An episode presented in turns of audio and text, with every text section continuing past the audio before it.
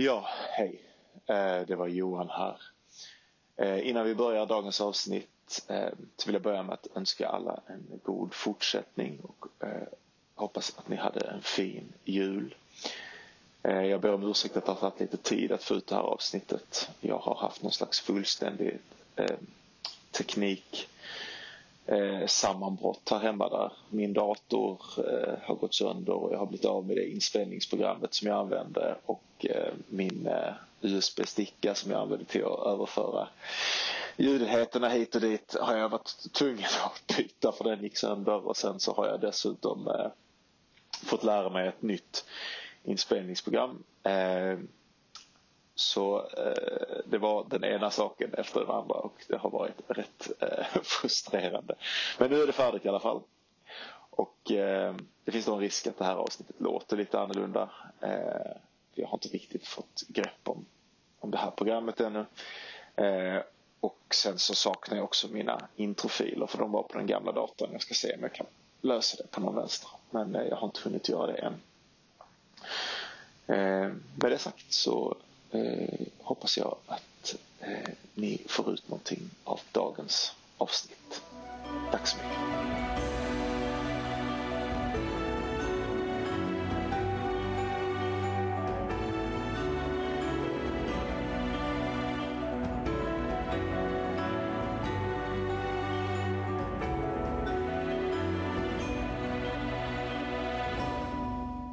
spelade in liksom.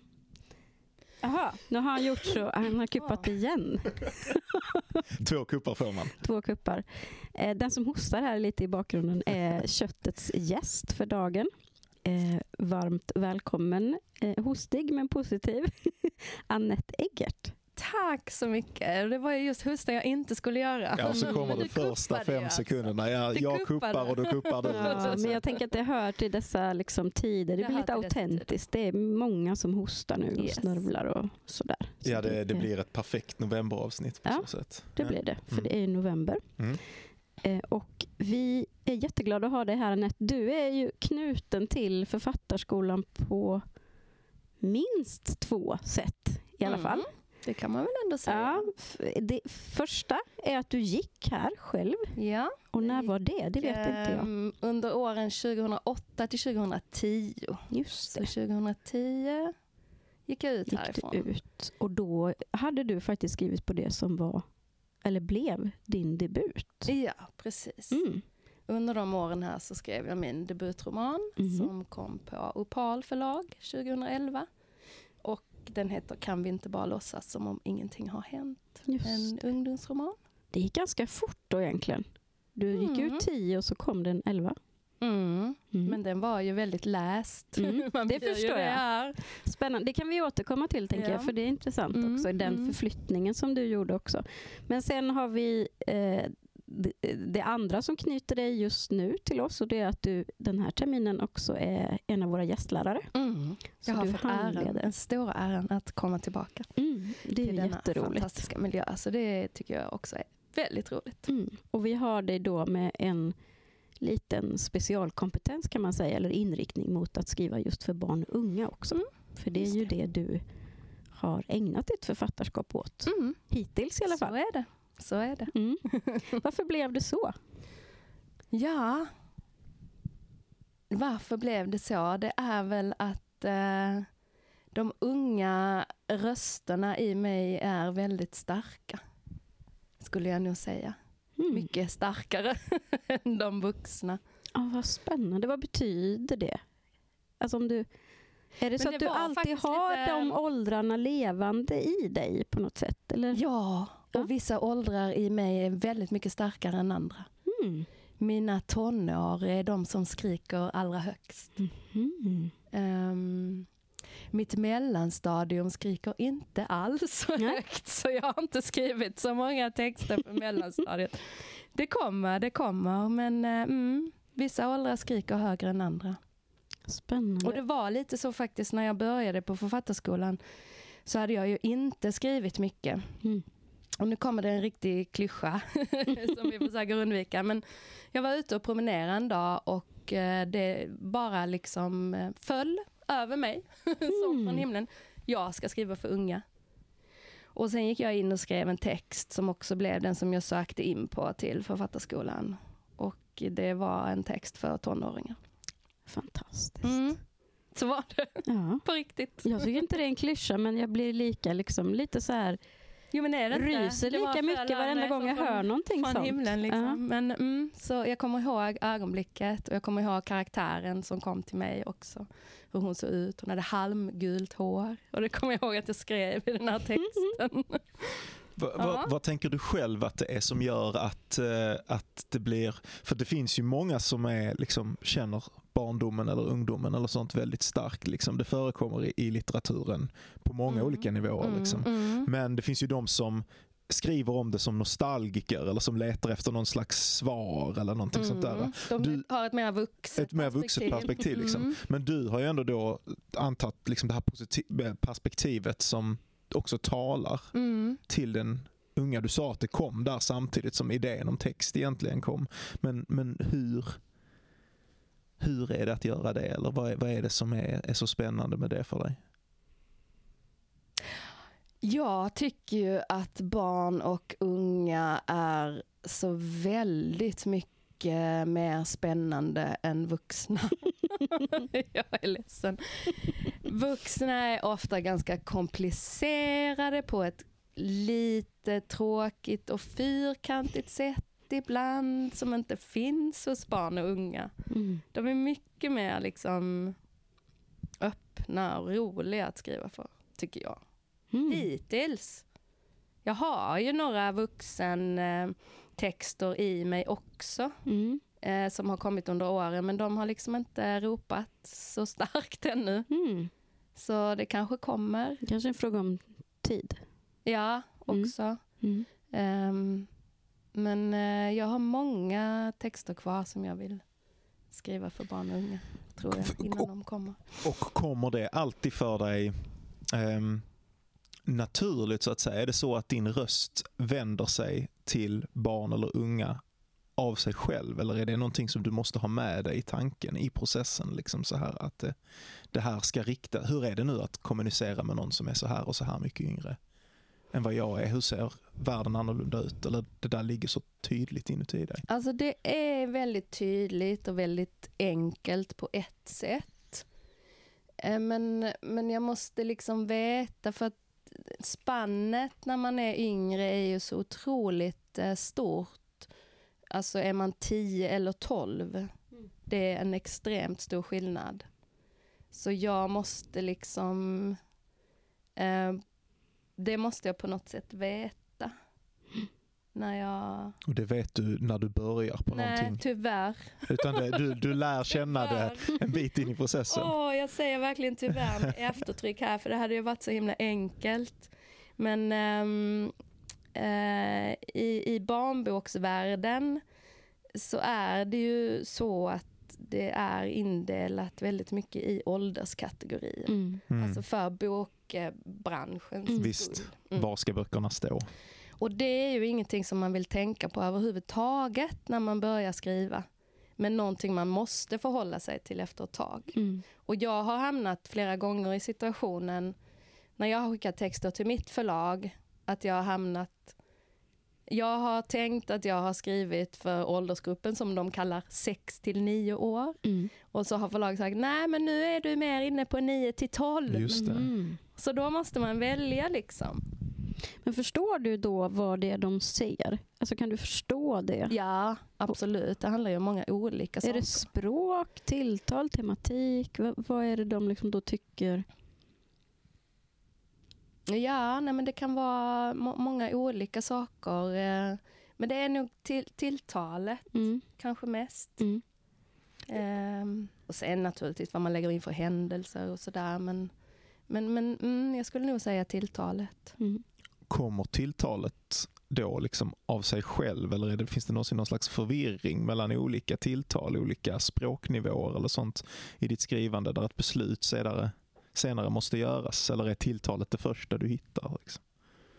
Och jag önskar så att det var det första. det hade varit så mycket enklare. Men ibland så är det liksom som att nu håller jag på att skriva en, en, en text eh, där jag tänker mig att huvudpersonen är sådär eh, 11-12. Men ibland så märker jag att jag glider över liksom att hon nästan pratar som en 13-14-åring och då hamnar man i det här. Vad ska det bli det här? Ska mm. det bli en ungdomsroman eller ska det bli en mellanåldersbok? Mm. Och det vet jag inte än. Nej. Det, det, där är jag inte än riktigt. Men det är skitjobbigt om jag får säga det nu när man kommer på att nej men det här är nog ändå det här är nog ändå för tonåringar. För då får man tänka helt annorlunda plötsligt. Mm. Men känner du dig någonsin, det här är en liten kanske ledande fråga, men kan du känna dig mm, hindrad eller trängd av det där målgruppstänkandet? Alltså jag försöker att absolut inte låta mig vara det, men ibland när man har, när man har skrivit mycket, liksom, ibland kan det vara så när man skriver för barn och unga att det är ganska många som ska tycka saker mm. Mm. jo, det, det man skriver. Absolut. Ur en pedagogisk synvinkel, att man ska vara någon liksom Ja, mm. och det vill man ju inte. Nej, men man det vill brukar, ju vara tvärtom liksom för barnen. Nej, men precis. Men för det där är en så spännande... Jag har läst liksom ett, ett antal kurser nu. Jag läser också litteraturvetenskap eh, vid sidan av det här. Mm. Eh, och där, där vi har kommit in på barnlitteratur på olika... Och då är frågan om det här ska det ställa sig på barnens nivå och liksom eh, så här... Eh, ja, men man mobbar vissa, man, man slår ut, man gör liksom osköna mm. grejer, mm. Man, är, man är en människa i utveckling. Så där, eller ska det ha det här eh, pedagogiska, moraliserande... Vi hade Tove Jansson idag som fick något brev skickat till sig från en pojke som var någon, kanske väldigt aggressiv så här ung pojke som skrev eh, typ så här hur, eh, det här är hemskt kanske, men hur dödar ni kvinnorna i Finland eller något sånt där. Oh. Och då, då, skrev hon tillbaka, vi stryper dem. ja men det är väl Ja men så då, då, då, då, då öppnade det där liksom upp för du, du eh, alluderade lite till det där, men hur förhåller du dig till sådana frågor som huruvida man ska vara pedagogisk eller huruvida man ska ge uttryck för en känsla eller? Alltså pedagogisk är ju ett bra ord i vissa sammanhang men inte kanske så bra när man skriver barn och ungdomslitteratur skulle jag vilja säga. Nej. Jag vill inte ha det liksom ordet i huvudet när jag skriver. Man är alltid, alltid på barnens sida. Um, men samtidigt har man också ett ansvar för barnen tycker mm. jag. Det. det. är ju någonting annat. Vad innebär tänker det? Du, förlåt, men tänker du barnet som läser då? Mm. Ja. Mm. ja, och vad innebär det? Nej, men man kan liksom inte kasta ut dem i vad som helst utan att de um, mm. hamnar på fötter igen. Mm. liksom, man kan mm. inte... Någonstans i slutet där man skriver så måste man kan skriva om hur svarta hål som helst. Mm. Men man måste hitta någon liksom glipa med ljus som kommer in. Det är ju din, ditt senaste manus. Får du, pra, får du prata om det nu så att säga? Det har du faktiskt rätt i. Ja. Det tänkte jag ja, faktiskt För det kommer den 25 januari så att man kan, det kanske är okej att liksom... Det stämmer. Ja. Det stämmer faktiskt. Mm. Är det den inte är... okej så klipper jag ut det. det ja. ja, nej, det kommer en roman som heter Där ljuset kommer in. Det är nog första gången jag outar den titeln mm. för någon. Mm, det blir ju en tonårsroman. Och jag har ju eh. haft förmånen att se omslaget. Det är ja, fantastiskt. Det är fantastiskt. Mm. Um, ja, det ska bli så kul att få lov att visa det.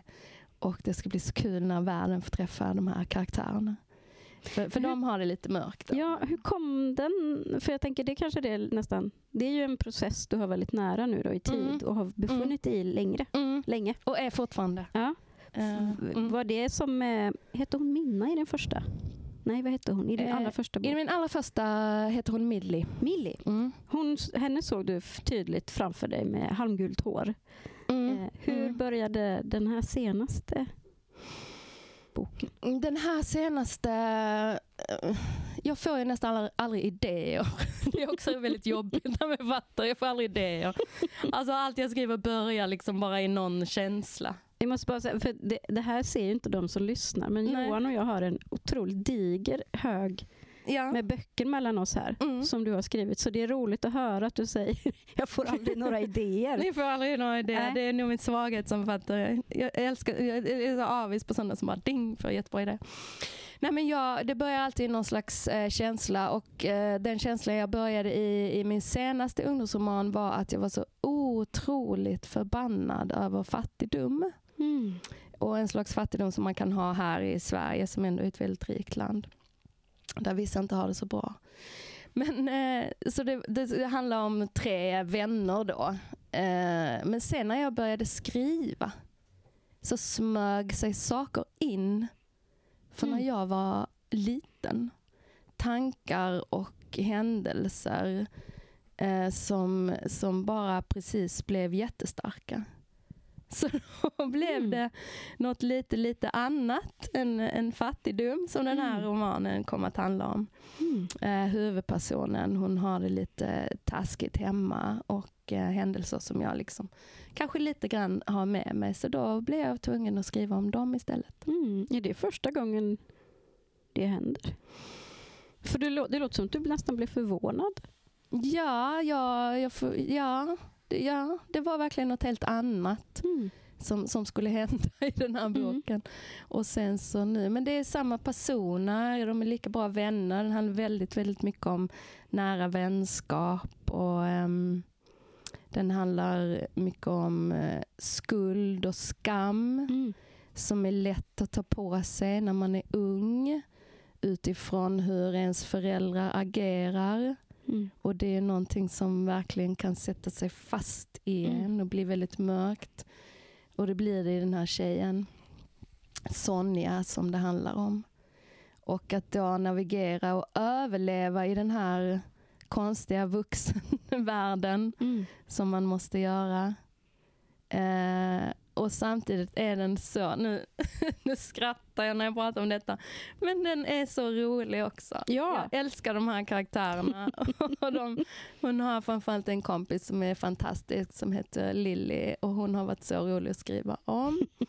Och jag har suttit och skrattat ibland faktiskt högt när jag har varit hennes röst, hört hennes röst. Ja, det har varit så kul också. Ja, det är ju fantastiskt. För då vill jag komma in på en sån där standardfråga som jag har ställt många gånger innan, som inte, men som jag inte varit inne på så mycket på ett tag. Liksom. Och det är så här, för då säger du, du skrattar som att det här är riktiga människor liksom, som du har lärt dig mm. älska. Och det är ju verkligen inte alla som har den relationen till sina karaktärer. Hur uppstår sina karaktärer för, dina karaktärer för dig? Hur, hur, hittar du dem? Hur, hur dyker de upp? Alltså de kommer ganska tidigt i min process. Det börjar alltid med en känsla och ganska snart därefter så dyker det upp en karaktär. Eh, eller två, eller tre. Eh, och eh, ja, nej, men sen skriver jag fram dem. Jag har en sån jobbig skrivprocess så jag skriver fram saker. Det kan jag verkligen inte rekommendera. Men eh, alltså att du menar att du jag producerar? Skriver fram dem under tiden. Liksom saker händer i boken så lär jag också känna karaktärerna och ser hur de liksom... Och varför rekommenderar du inte det? Nej, för det är skitjobbigt att skriva så. Mm. Nej, men det, man får ju skriva om hur mycket som helst och plötsligt tar, tar de en annan väg som man inte hade en aning om. Så bara, men varför gör du så här? det ska inte du göra. Jaha, och så får man hänga med på det. Och, mm. Fast jag brukar säga till våra studenter ibland att det, man har en övertro till att man kan tänka fram saker.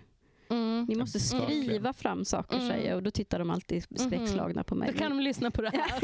jag tycker det låter ju... Alltså jag tänker att det är det mm. som gör väl också att du har haft så roligt för det, då är det ju en liknande process som när man lär känna en riktig Visst. människa. Ja, för alltså, då får man ju också revidera så. och man får lägga till något fakta och sen behöver man inte gå liksom och skriva om när man lär känna en ny person. Men det, det blir ju en process. Mm. Ja, man kan ju nästan inte älska någonting som man har tänkt fram. Det är ju Nej. väldigt självgott och konstigt. Liksom. Mm. Det blir någon slags obehaglig narcissism. Men när det, har, när det har eh, skrivits fram, när det är alla de, när karaktären är det resultatet av en massa slumpar och mm. händelser och infall som man inte alls var med på. Det måste ju ligga till grund för varför karaktären, för du sitter och ler nu när ja, du men tänker det blir ju liksom väldigt, Det blir ju levande när ja. man lär känna dem. Samtidigt ibland kan man ju tycka att kanske att det hade varit en fördel att man kände dem ibland tänker jag så här, jag vet inte hur du reagerar i den här situationen så det måste jag liksom skriva fram. Det hade varit mm. lättare om jag bara visste. Han säger så här, hon säger mm. så här. Jag får liksom testa mig fram. är det ofta snedsteg då? Um, alltså skriver du någonting och sen bara, nej det där så, mm, så kan det inte vara. Mm, mm. Jag skriver om väldigt många gånger. Ja. Och då gör karaktärerna de gör olika saker i samma situation många gånger. Liksom. Ja, men det är liksom små nyanser och sådär och så som ändras. Slut. Och så till slut så hittar man liksom rätt. Och vad, vad, är det, vad är det som säger dig att du har hittat rätt? ja, det är väl när jag skrattar då eller ja. gråter. Eller, ja, men jag skriver väldigt mycket dialog. Jag gillar ju att skriva dialog. Det kommer alla som läser den här boken märka. Uh, och uh, ja, men det är kul. Det är då man liksom, då lär man också känna dem. När de snackar med varandra. Och, ja. och även där är det liksom mycket dialog som skrivs som bara är för dig. Ja, men det blir det ju. Men det är inget jag gör med mening. Man kan ju göra ursäkta, så här baklandsövningar som vissa kallar det, som mm. skriver jätte, jättemycket som mm. inte är menat liksom, för boken.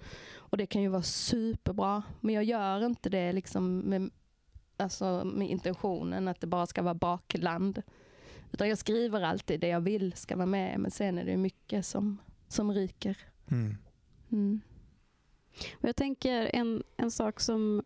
För det finns ju ändå vissa, vad ska man säga, specifika omständigheter kring att skriva för barn och unga som gör att det skiljer sig från att skriva för vuxna. Eh, vi var inne på det här lite, att, eller du var inne på det själv, att det är så väldigt många som ska tycka. Och det är det ju. Det är ju föräldrar, och det är lärare, och det är mm. kritiker och det är vuxna. Som, här kommer de här vuxna Precis, som ska tycka jättemycket mm. saker. Men en annan sak tänker jag är ju också um, de unga läsarna då, som ska känna igen sig. Mm. Och då tänker jag, en sån fråga som jag har stött på i handledning till exempel och också mm. tänker när jag läser manus eller publicerad litteratur. Hur gör du med det här ungdomsspråket och hur de pratar? Och... Mm. Det har jag faktiskt fått höra av flera och det har varit, så, det har varit mina bästa recensioner liksom, från unga i den åldern jag skriver för att hur kan du skriva som vi mm. är? Liksom? Mm. Hur gör du det? Och, och sådär. Um, hur gör du det? Då?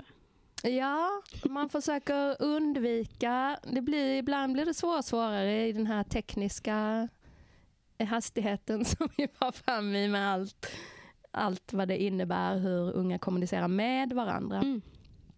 Det är ganska svårt. Jag försöker hålla mig så långt borta från allt specifikt som mm. jag måste. Mm. Eller som jag kan. Mm. Eh, om de får ett snap så skriver jag inte snap. Utan kanske jag försöker liksom att skriva det så allmänt jag bara kan. Mm. Och sen eh, just nu har jag ju också själv en tonårsdotter och en son, så det är ju, det har jag faktiskt just nu väldigt stor nytta av. Mm. Men jag skrev ju för tonåringar även när de var små så att säga. Mm. Så det starkaste är ändå, ja men jag tycker det är, tror och det är väldigt mycket som är liksom universellt. Det är känslor, det är tankar och det är det där resten, exakt hur de pratar, det behöver man liksom inte lägga så mycket energi på. Mm. Det försöker jag bara att undvika så mycket jag kan. Mm. Men visst, jag måste ställa frågor. Som häromdagen så, jag har långa sms med min dotter som jag skulle kunna visa.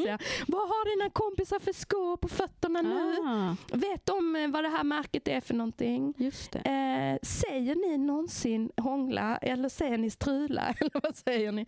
Ah, alltså, vad säger de? Sådana grejer. Ja, strula var Stru nog just det man sa, just i den här situationen som jag frågade om. Um, men nej men så det, henne har jag, har jag stor uh, nytta av.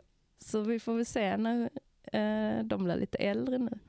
Men, men som sagt, mycket, mycket hämtar jag från mig Och du själv. lyssnar mycket också kanske? Alltså när du är liksom, rör dig runt i ja, tillvaron? Det är ju en fördel. Jag är ju mycket ute i skolor. Mm eh, och träffar barn och ungdomar mm. i mitt jobb som skrivlärare mm. och jag författarbesök och så. Och då utnyttjar jag ju alltid situationen. Det är, är du, jättekul. Är du, är du, du har det här gamla författarknepet att vara en tjuvlyssnare. Det, absolut, ja. absolut. Och det tipsar jag ju också gärna barnen om och det tycker ju de är jättekul. Mm. Men sen Eh, jag var på en skola i fredags i Malmö och då, då vill ju barnen gärna, om de är yngre, inte om de är tonåringar, kan ni sitta vid vårt bord? Ja visst. Och sen så får man ju fråga, vad ska ni nu göra på rasten? Och, mm, för sånt har man inte riktigt koll på längre. Mm. På de yngre barnen, vad, vad gör de på rasten och vad händer liksom? Och, Så det, ja. Samtidigt så mycket är sig så väldigt likt. Mm, där också, jag. jag har en dotter som går i trean nu mm. och jag tänker så här, va? Gör de sånt fortfarande? Mm. Eller liksom så här, och hur lärde de sig det? Det gjorde vi på 80-talet. Vissa jag fick en lång och ingående beskrivning av hur de håller på med sanning eller konka. Ja, det är stort. Det var tydligen stort och det var ju jätteintressant. Mm. Och det, de var ju ganska unga barn, de gick i mm. trean. Mm. Så tänkte jag, oj, mm. trean, sanning eller mm. konka, det lät avancerat. Men det här var väldigt fint på en fin liksom, kompisnivå. Det verkade jätte fint det mm. de höll på med. De tog hand om varandra och man behövde absolut inte om man inte ville. Och, och, nej, så det var jättekul. Så det tyckte jag var roligt att höra de som gick i trean. Att de körde sanning eller konka. Så det kommer säkert till någon text någon gång. Mm. Någon som gör det. Men det kan ju ändras snabbt också. Ja. Men som du säger, många saker är kvar. Mm. Också sen vi var små. Mm. Och det är de man håller sig.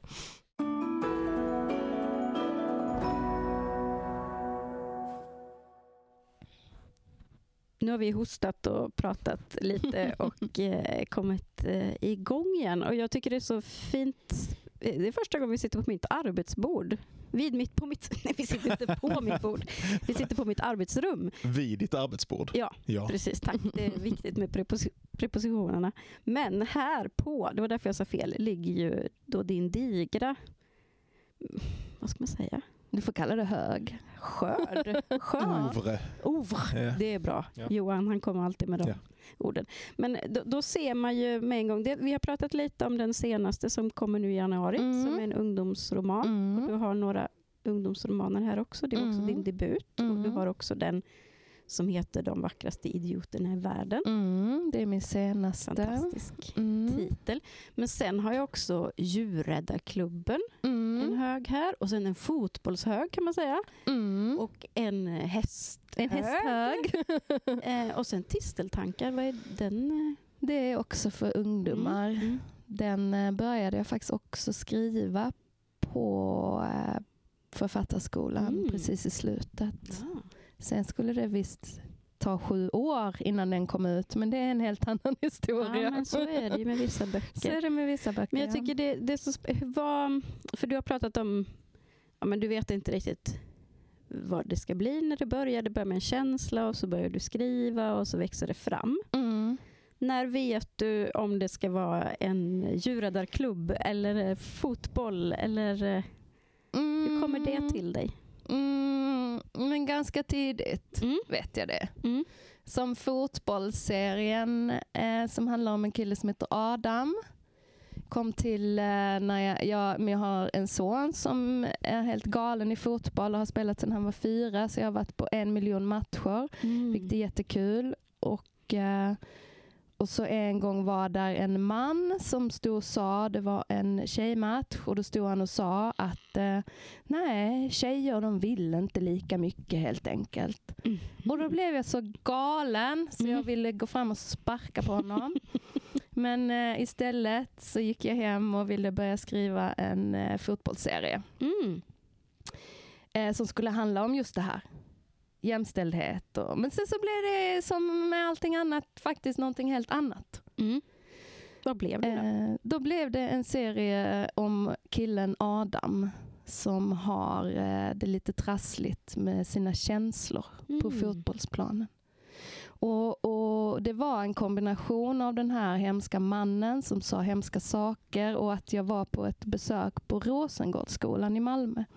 Gjorde ett författarbesök och där pratade vi jättemycket eh, om, eh, om det här med känslor, att det var mm. svårt att få ur sig känslor och mm. svårt att prata om. Mm.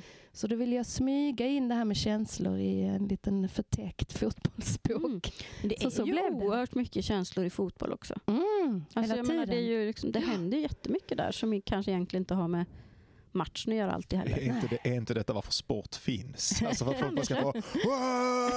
Man har ingen annan outlet för att göra det. Liksom. Jag vet inte, jag vågar mm. inte gå in på sånt. nej, nej, nej. Jag vill lämna sporten. Ja. Nej men det är härligt. Men i första boken om Adam så är han, måste han lära sig att hantera sin ilska.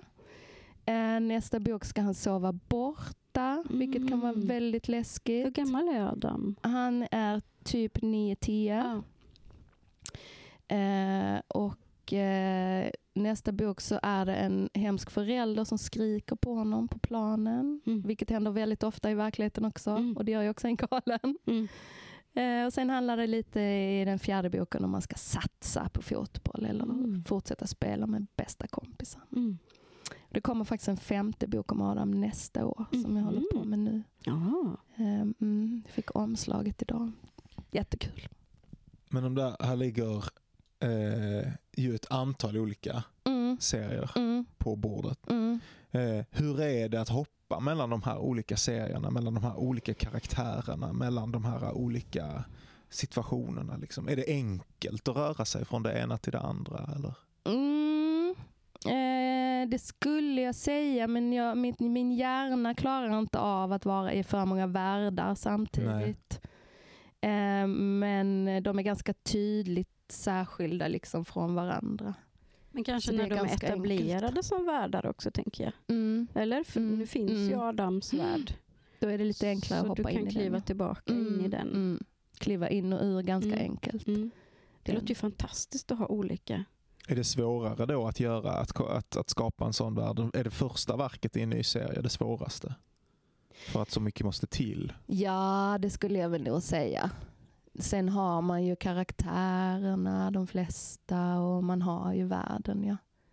Och sen är det händelserna som kanske skiljer sig då. Är de lätta att kalla upp igen? Känner du om det är någonting som har varit liggande ett tag liksom, och du ska in i en gammal värld? Behöver mm. du bläddra i boken eller finns karaktärerna där så att säga sparade Nej, men de dig? finns där. Vissa saker behöver man ju liksom eh, friska upp lite kanske om det var länge sedan. Men, eh, och lite grann titta tillbaka, och hur var det nu, hur gjorde de nu där och vad hände där och så. Men de finns ändå kvar mm. igen. Absolut. Men hur är det då, för, för jag tänker att ungdomsromanerna de är ju eh, inte, inte serier, de hör inte Nej, ihop. Är, mm. Och då måste du ju lämna dem. Till exempel, eh, vad hette hon nu som var så rolig? Kompisen. Lilly, jag vet. Ja, du måste liksom... Sonja, Lilly och Bang, jag älskar dem. Jag vet men inte hur jag ska kunna skiljas. Kan du dem igen då? Eller, eller jo, varför? men det kan jag kanske. Men jag, jag måste också erkänna ibland att um, serier efter ett tag så vill man skriva något nytt. Ja. Och då blir det lite trist mm. att röra sig i samma, mm. samma värld. Det är skönt på ett sätt och det är roligt. Men till slut så um, blir man lite klar. Mm. Du är ingen sån här fantasyförfattare som ägnar liksom 17 böcker genom ett helt liv Jag har samma. så många duktiga kollegor som skriver fantasy och alla barn älskar fantasy. Mm. När man kommer ut i skolan, skriver du fantasy? Frågar de. ja, jag skriver vardagsnära. Jaha, okej okay då. Nej. Men jag bara tänker, jag var ju nu, det här är ju, jag är ju en vandrande anakronism brukar jag säga, men för jag var egentligen, levde i fel tid, men jag älskade Kulla-Gulla och jag älskade ja. han på Grönkulla. Jag med. Och där är det ju så intressant att där följer man dem från de är barn tills de gifter sig. Ja, Men sådana böcker, jag bara slänger in det nu. ja, att, eh, det har du rätt i. Ja. Men en vuxen variant mm. av. Det finns ju nästan sådana böcker men då är de ännu mer serialiserade. Alltså Harry Potter utgör Absolut. ju någonting sånt. Liksom en hel ja. skolgång. Mm. Det är egentligen ett helt vansinnesprojekt. Mm. Liksom. Han är väl 15 när de mm. slutar. Ja, det Jaha, okay. men, eh, men på tal om det så, så pratade jag faktiskt med mitt förlag häromdagen om att um, kanske Adam skulle få gå på mellanstadiet. Ja. Lite. Mm. Kanske. Mm. Jag vet inte än. Mm. Så det kanske blir någon sån. Mm. Kanske jag skriver om honom Jag tänker, är det någonting med hög... För jag antar att eller, mm, din huvudperson i den senaste nu, mm. Sonja, går mm. på gymnasiet eller högstadiet? De går i nian, I nian ja. sista terminen Är det så att det liksom är ett så stort är det så stort skifte där kanske? Är det lättare att följa från trean till fyran? Mm. Jag vet inte, jag har ju aldrig testat det. Liksom. Så jag får väl se nu vad som händer. Mm. Jag kanske inte alls känner Adam när han går i sexan. Vad är han för en då? Liksom? Vad har hänt under alla de här åren? För det händer ju mycket. Ja, gud ja. Mm. Men jag har lite idéer. Jag tycker det är rätt så kul att skriva om kärlek så jag tänker att han får kanske bli lite kär. Mm. Eller så. Lite. Mm. Vid sidan om fotbollen. För mm. den måste ju ändå vara ganska stor. Mm. När man skriver om fotboll. Jag tänker när man skriver för barn och unga så möter man ju sina läsare. Alltså det, gör man ju, det gör ju många författare, möter sina läsare på olika sätt. Men du gör det väldigt, tänker jag, eh, jättenära. Som du mm. sa, du sitter kring ett bord med elever och du är ute på skolbesök mm. och bibliotek mm. och, och, sådär. Mm. Hur är det att möta läsare som har läst om Adam till exempel eller om Djurräddarklubben? Eller liksom? Nej, men det är fantastiskt. Mm. Det är jättekul och intressant för att de har ofta så många intressanta tankar. Mm. Eh, jag har jobbat med ett projekt när jag skrivit lite hästböcker också. Jag är hästintresserad själv och rider och har häst och så. Eh, så då har jag jobbat i ett projekt eh, som är finansierat av Region Skåne. Mm. Där jag är ute på ridskolor mm. och skriver med barn. Där de mm. hjälper mig mm. i en pågående skrivprocess. Wow. Med en bok som faktiskt ska komma ut nästa år. Oj, vad Så de borde nästan stå som medförfattare där. Ja, men på vilket sätt är ni, hur jobbar ni då? Ja, vi gör olika skrivövningar. Dels gör vi skrivövningar eh, som inriktade på hästar och sen så får de ta del av min text och komma med mm. feedback mm. och eh, liksom hur vi ska jobba vidare och komma med goda råd och sådär. Men är det som att du går, för jag tänker vi, när vi började samtalet så hade jag en fråga som jag sa, tänkte att jag skulle komma fram till och det kanske är nu, för det, då var jag lite intresserad av hur det var att gå från författarskolan och jobba med ett manus intensivt där och sen mm. liksom gå in med en redaktion mm. Och mm. ge ut det. Mm. Och nu, det här är ju nästan någon sorts författarskola-variant igen, men vi tar den första frågan ja. först. För det tänker jag, vi har ju många studenter som lyssnar, hoppas vi. eh, och hur, hur var det? Nej men det var ju eh, otroligt spännande, men jag måste bara säga att författarskolan är det är liksom det bästa skrivtillvaron jag har varit i tror jag. Det var så uh, underbart för här står liksom texten i centrum. Mm. Sen kommer det, sen, texten står i centrum då också men det kommer också andra parametrar in liksom. Yeah. Yeah. I det stadiet. Målgrupp och ja, ekonomi. Ja, målgruppstänk och sälja och mm. nu är jag på ett jätte jättebra förlag, mm. Opal, mm. eh, som jag har ett jättefint samarbete med. Och de är väldigt måna om texten alltid och mig som författare. Um, men det är lite sådana saker som, mm. Eh, som kommer in sen. Mm. Var det stor skillnad då att jobba med text inom författarskolans ramar och sen mot eller med en redaktör så att säga? Nej, men jag är väldigt glad att jag har gått på författarskolan för jag försöker lite grann hålla fast vid det arbetssättet mm. ganska länge. Mm. Eh, att man inte tänker så mycket så långt fram mm. liksom när man börjar skriva. Mm. Och jag vill nästan ta tillbaka det liksom, mm. i mitt eget skrivande. Mm. Eh, vad var frågan? Ja, men vad är den största, vi kan, jag kan formulera om den lite. Vad är den största skillnaden tänker jag, att jobba med mjuk, mjuk text kallar vi det ofta för här. Mm och att sen gå in med ett manus som är antaget som ska bearbetas inför att publiceras. Men är det, det en annan blick eller ett annat samtal? Ja, men det är ju lite så det blir. Jag, mm. jag försöker hålla fast vid, vid den här mjuka synen på texten mm. eh, ganska länge. Eh, men, men andra gör lite annorlunda. De eh, kanske visar sin text ganska tidigt för mm. förlaget men jag, jag behåller min text ganska länge för mig själv. Jag vet inte alltid om det är positivt eller negativt men jag känner att jag vill ha den här mjuka synen ganska länge. Sen när man väl liksom kommer vidare så är det också kul. Mm. För då ska den ju bli läst och mm. man vet att den kommer bli läst och det är ju såklart superroligt. Mm. Och då vet man ju alla de här sakerna som vi pratade om tidigare. Eh, som till exempel vem ska man vända sig till och då mm. kan man ju snickra liksom på den och vässa Just den och det. det är ju också super super super kul. Mm. Och man får jobba med väldigt professionella människor på mm. förlagen som eh, tar hand om Men har du någon annan läsare då, om du nu vill stanna kvar i texten ens, mm. som inte hör till förlaget? Mm. Som är dina liksom... Eh, mm. Mm. Jag har eh, lite olika människor som läser mina texter och har varit med i lite olika grupper. Bland annat en grupp som kom här utifrån författarskolan. Mm. Men har också lite andra som jobbar som författare som läser mina texter. Mm. Mm. Och även eh, handledare som jag hade här på Författarskolan. Mm. Fantastiska Stefan Kasta ja. eh, har jag fortfarande med mig och kan hjälpa mig med mina texter. så det fint. finns många människor.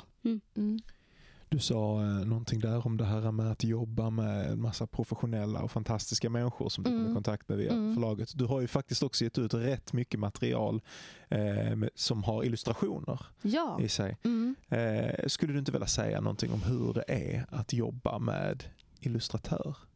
Det är så roligt. Uh, ibland vill man skriva en bok för yngre bara för att man ska få samarbeta med en illustratör. Jag tycker att det är jättekul. Jag är helt, jag är liksom ritanalfabet eller illustratörsanalfabet.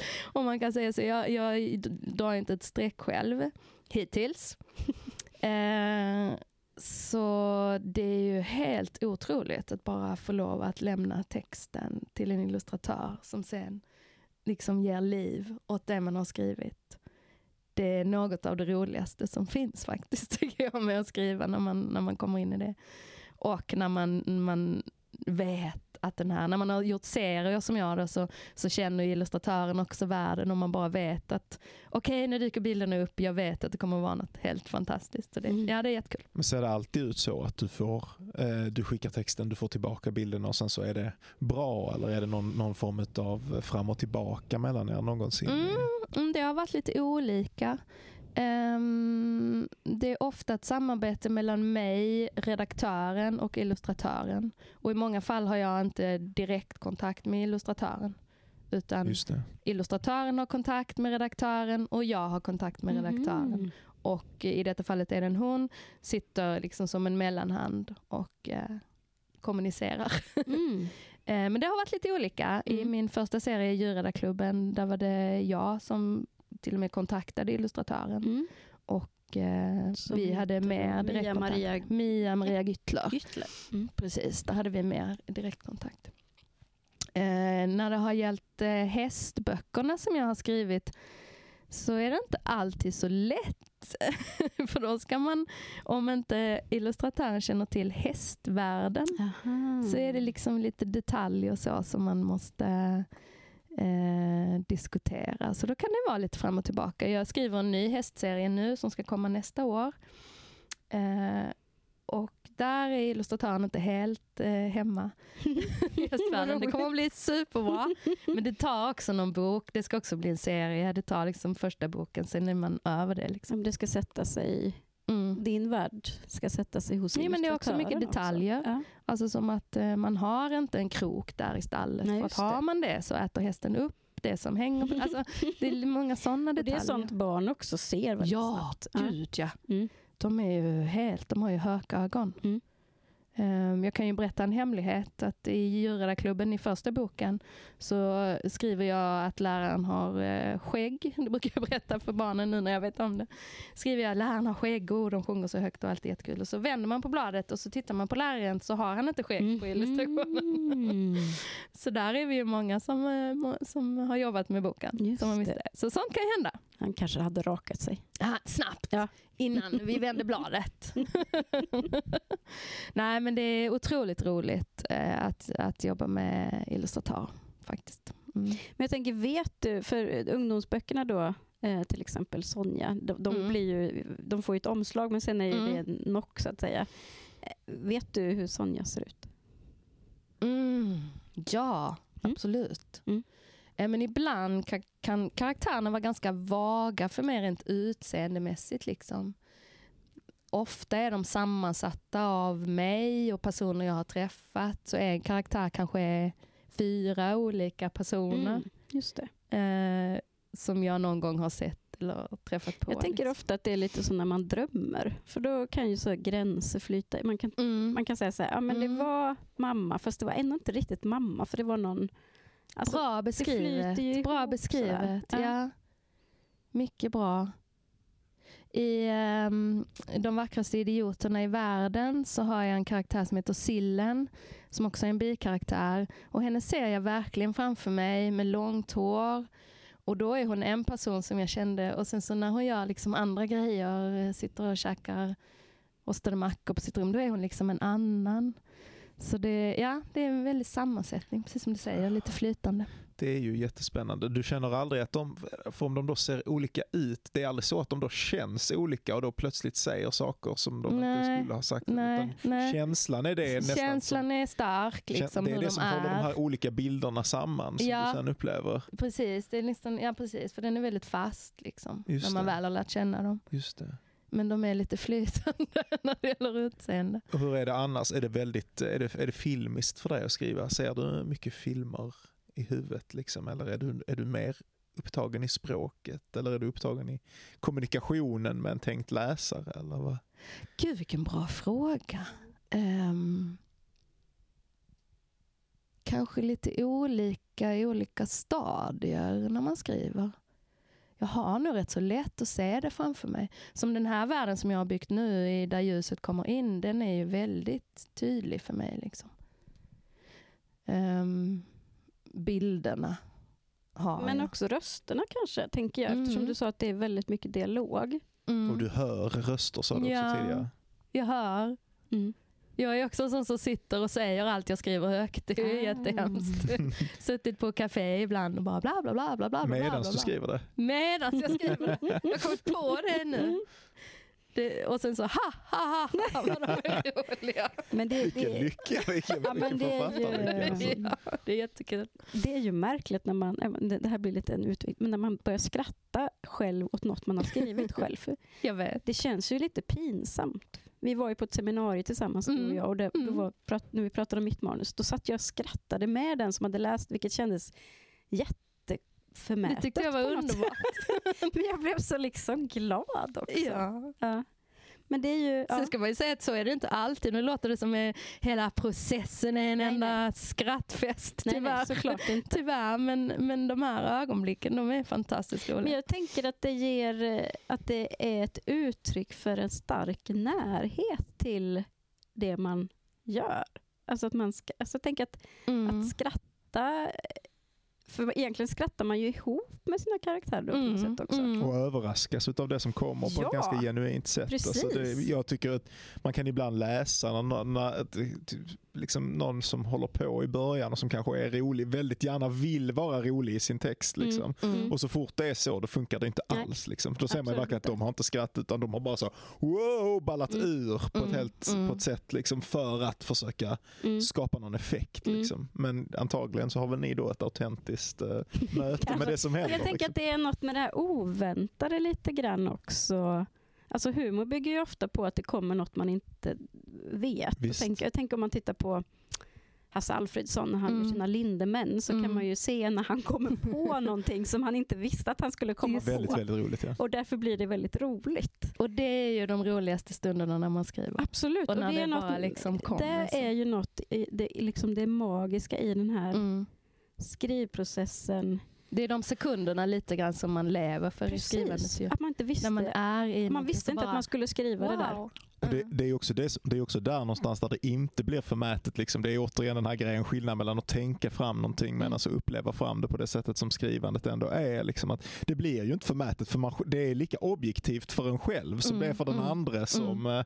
Det här kommer liksom inte ur mig på ett sätt utan det här bara nej, uppstår nej. på den vänster. Och jag ja. tycker det är roligt och du tycker det är roligt så det är snarare det att man delar den här glädjen inför kolla det här roliga som uppstod. Men gud vad knäpp man känner sig. Ja, man, det är ja men det är ju så. Alltså, man har ju verkligen en dialog med sina underbara karaktärer. Mm. Vi är liksom, de håller mig i handen också nu. Jag känner liksom att vi är ett team. Det är därför det är så jobbigt att lämna dem ju. Men jag läser ju aldrig en bok när den har blivit utgiven. Aldrig när den har kommit ut. Alltså du läser inte om den? Aldrig, jag har inte läst någonting jag har skrivit. Kommer inte heller lyssna på den här podden efteråt. men, men, men, du läser upp ur din bok och sådär eller? Och, ja, ja, det är ju inga som helst problem. Nej. Det är bara jättekul. Mm. Men det, um, det, du menar mer att du vill inte läsa den? Jag som... läser inte hela igen, det har jag aldrig gjort. Mm. Bär du någonsin med dig de här karaktärerna efter att någonting är avslutat? Liksom? Dyker de upp på något oväntat sätt? Vad roligt. Men eh, eh, ja, alltså, de som jag skriver om nu i ljuset, där ljuset kommer in, de, de är ju med mig ofta nu. Men jag tänker på mina karaktärer från mina äldre böcker. De är ju inte med mig lika ofta. Så de, det är väl kanske att man lämnar dem sen. Mm. När man börjar skriva på en ny bok. Mm. tänker jag. Mm. Men de är ju, om jag, om jag börjar tänka på dem så finns de ju där. Och då kan jag hoppa rakt in i dem. Men, men nej, de är inte lika... Jag lämnar nog ändå dem. Vi skiljs åt. Annars hade det varit jobbigt. Man har ju så mycket i huvudet som författare. så många världar så man blir helt knäpp till slut. Och med det... Ja, det var en fantastisk slutkläm. fantastisk slutkläm alltså. ja. ja. Och vi har slut på tid. Ja, så många världar att man blir knäpp och glad. och glad. Ja, det är fantastiskt. Kreativiteten i sprudlar. Tack så mycket Anette. Tusen tack. Roligt att komma, få komma hit och prata om att skriva för barn och unga. Det är verkligen en fantastisk värld att ge sig in i. Tusen tack. Tack, tack så jättemycket. Och tack till alla som lyssnat.